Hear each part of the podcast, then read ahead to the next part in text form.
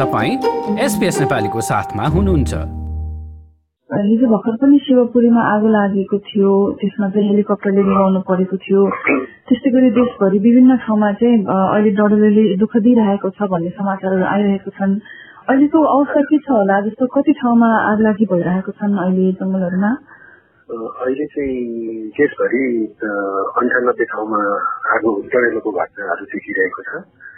जसले चाहिँ उन्नाइसवटा जिल्ला चाहिँ प्रभावित भएका छन् जसमा बर्दिया सुर्खेत कैलाली दाङ बाँके अछाम डडेलधुरा कञ्चनपुर लगायतका जिल्लाहरू चाहिँ अलिक बढी प्रभावित छ अहिले डडेलोले यसले गर्दाखेरि चाहिँ अब कुनै कुनै वन्यजन्तुहरू सड़कमा आइरहेका र घरको छेउमा पनि आग लागि हुन लागेको भन्ने पनि सुनिरहेका छन् यसले कस्तो खालको क्षति गरिरहेको छ वन डडेलोले पुर्याउने क्षति त अकल्पनीय नै हुन्छ हेर्नुहोस् होइन अब जंगलको आगो घर बस्तीमा आएर सल्किएको पनि हुन्छ।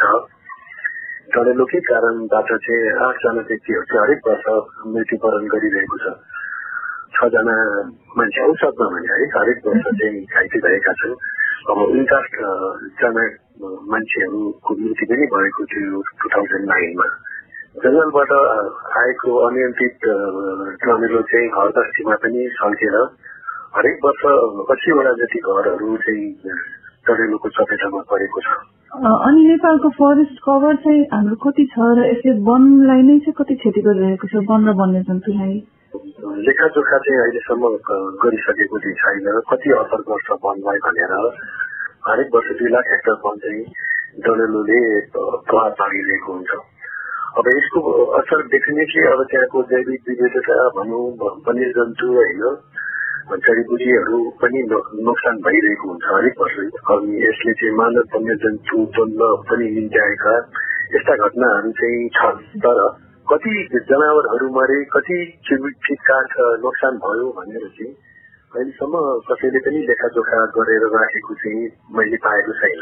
अनि जस्तो यो आगोहरू लाग्दाखेरि चाहिँ अब हिजो पनि हेलिकप्टरले पानी छाट्नु पर्यो भनेर हामीले समाचारमा सुनेका थियौँ। आगो निभाउने प्रक्रिया चाहिँ कस्तो हुन्छ? यो हेलिकप्टर भनेको चाहिँ यो पर्याप्त हुन्छ कि? अथवा यो चाहिँ अन्तिम चरणमा गर्नुपर्ने काम हो कि? कस्तो हुन्छ? हेलिकप्टरबाट पानीले खन्याएर निभाउने भन्ने चाहिँ अत्यन्तै खसिलो हुन्छ यो र सबै ठाउँमा यो सम्भव पनि हुँदैन होइन? दुर्गम दुर्गम ठाउँहरूमा। त्यसैले अब यो डढेलो नियन्त्रण अब ग्राउन्डबाट पनि चाहिँ फायर फाइटिङ गर्न सकिन्छ आगो नियन्त्रण गर्न सकिन्छ। तर अहिलेको समय चाहिँ वैशाखको समय भनेको चाहिँ वैशाख जे समय गर्मी हावाहुरी चल्ने समय भएकोले आगलागी नियन्त्रण गर्न जानु चाहिँ जोखिमपूर्ण पनि छ अहिले। फेरि तालिम प्राप्त दस्ता भएन भनेदेखि आगलागी नियन्त्रण गर्न जानु भनेको चाहिँ फेरि आत्महत्या गर्न जानु जस्तै हुन्छ। र उनीहरूसँग उपयुक्त उपकरण औजारहरू पनि हुन पर्यो। फायर फाइटरहरू छन्। होइन भनेदेखि सेफ्टी फर्स्ट प्रिन्सिपलमा बस्नुपर्छ। आफ्नो घर बस्तीहरू जोगाउनु पर्यो सबैभन्दा पहिला त यो जङ्गल र बस्तीको बिचमा चाहिँ सुरक्षा घेरा फायर लाइन जस्तो त्यहाँ भएका पात पतिङ्ग ज्वलनशील पदार्थहरू र यो वनमाराहरू यस्ता चिजहरू झाडीहरू सफा गरेर राख्न सक्नुपर्छ त्यति सक्छ अलिक धेरै चौडाइको अनि अब नेपालमा समस्या त निकै नै विकराल छ तपाईँले नै भन्नुभयो दुई लाख हेक्टर जमिनसम्म पनि यसले चाहिँ असर गर्छ विशेष गरी चैत वैशाखको अहिलेको महिना एकदमै सुक्खा हुन्छ। अनि त्यो अनुसारले हाम्रो चाहिँ यसको समाधान गर्ने यसको प्रतिक्रिया गर्ने स्रोत साधन उपकरणहरू र तालिम प्राप्त दस्ताहरूको अवस्था चाहिँ कस्तो छ? असाध्यै न्यून छ भन्दाखेरि असजिलो होला यो तर त्यस्तो तालिम प्राप्त दस्ताहरू चाहिँ असाध्यै न्यून छ अहिले। यसरी चाहिँ हामीले स्वयंसेवक दस्ताहरू हरेक पालिका पालिकामा डढेलो नियन्त्रण दस्ताहरू बनाएर राख्नु सक्यो भने राम्रो हुन्थ्यो होइन। उनीहरूलाई चाहिँ सम्बन्धित निकायहरूले अनुमति विजन वन कार्यालय वन मन्त्रालय अथवा विपक्ष न्यूनीकरण तथा व्यवस्थापन प्राधिकरणहरूले उपयुक्त किसिमको तालिमको व्यवस्था र उपयुक्त औजार उपकरणहरूको चाहिँ व्यवस्था गरेर राख्न सक्यो भने कम्तीमा पनि फागुन सहित वैशाख जेठ जस्तोमा चाहिँ राख्न सक्यो भने राम्रो हुन्छ। एउटा खुसीको कुरा र एउटा नौलो प्रयास पनि भएको छ बागमती प्रदेशमा यो वर्षबाट। बागमती प्रदेशको हरेक डिभिजन वन कार्यालयहरूमा चाहिँ अहिले चार महिनाको लागि यस्ता स्वयंसेवक दस्ताहरू तयार गरेर राखे तर यो जिल्लामा मात्रै होइन कि यो पालिका पालिकामा पुग्नु पर्यो क्या यस्ता दस्ताहरू अझ सकिन्छ भने त वडा वडामा बनाएर राख्न सक्यो भने चाहिँ राम्रो हुन्थ्यो। अनि यो केन्द्रीय स्तरबाट हजुर यो राष्ट्रिय विपद जोखिम न्यूनी- न्यूनीकरण शाखा जुन छ त्यसबाट चाहिँ के कस्तो कदमहरू अथवा योजनाहरू छन् डढिलो नियन्त्रणका लागि प्राधिकरणले चाहिँ यो डढेलोलाई चाहिँ विशेष प्राथमिकतामा राखेर पाँचवटा मेजर प्रकोपहरूमा चाहिँ वन डढेलो पनि एक हो भन्ने किसिमले राखेर अहिले त्यो किसिमको कार्यक्रमहरू कार्यविधिहरू बनिरहेका छन्। र त्यस्तै अब यो तालिमका करिकुलाहरू अहिले हामीले बनाउँदैछौँ।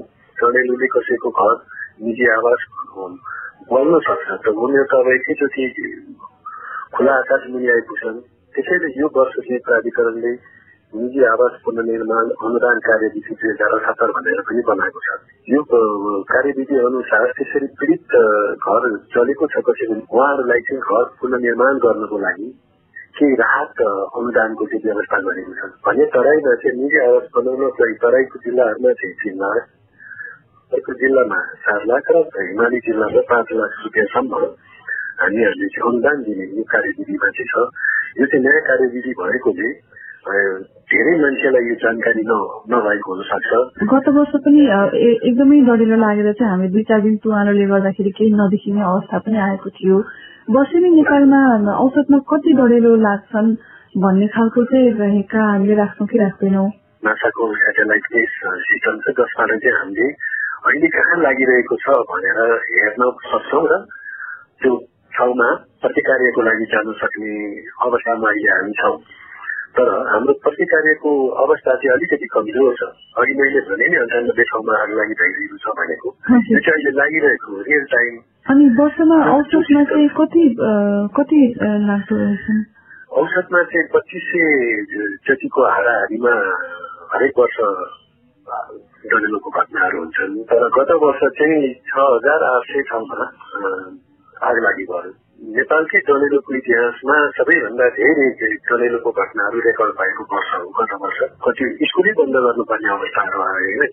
कतिपय फ्लाइटहरू क्यान्सल भयो होइन? धुवाभित्र हामी गुम्सिन परेको थियो। यो वर्ष पनि त्यस्तो धुवाहरूले चाहिँ ढाकिरहेको अहिले आकाश धुम्म छ विशेष गरी तराई र पहाड़का जिल्लाहरूमा। अहिले पश्चिमको जिल्लामा पनि पुरै धुवाले ढाकेको देखिन्छ होइन?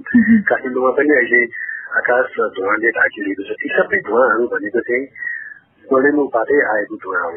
जुन चाहिँ मानव स्वास्थ्यको लागि असाध्यै हानिकारक हुन सक्छ विशेष गरी यो दमका रोगीहरू मुटु रोगीहरूलाई चाहिँ यसले चाहिँ धेरै नै प्रभाव पार्छ।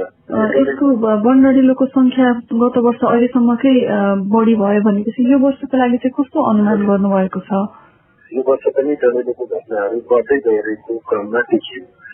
हिजो त अझ धेरै दुई सय भन्दा बढी ठाउँमा थियो हिजोसम्म को डेटा हेर्दाखेरि हजार एक हजार दस ठाउँमा चाहिँ आग लागेको घटनाहरू डडेलोको घटनाहरू भइसक्यो हजुर अब जसरी यो अ, डढिलोको संख्या बढ्दै गइरहे- गइरहेको देखिन्छ अब मानवलाई वातावरणलाई सबैलाई खतरा बढिरहेको देखिन्छ। यसको दीर्घकालीन समाधान चाहिँ के हुन सक्छ?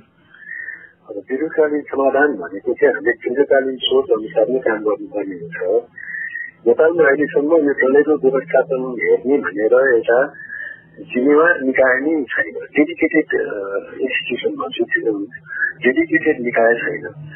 हामी सबै जिम्मेवार छौँ तर कोही पनि जवाफदेही हुन सकिरहेको छैन।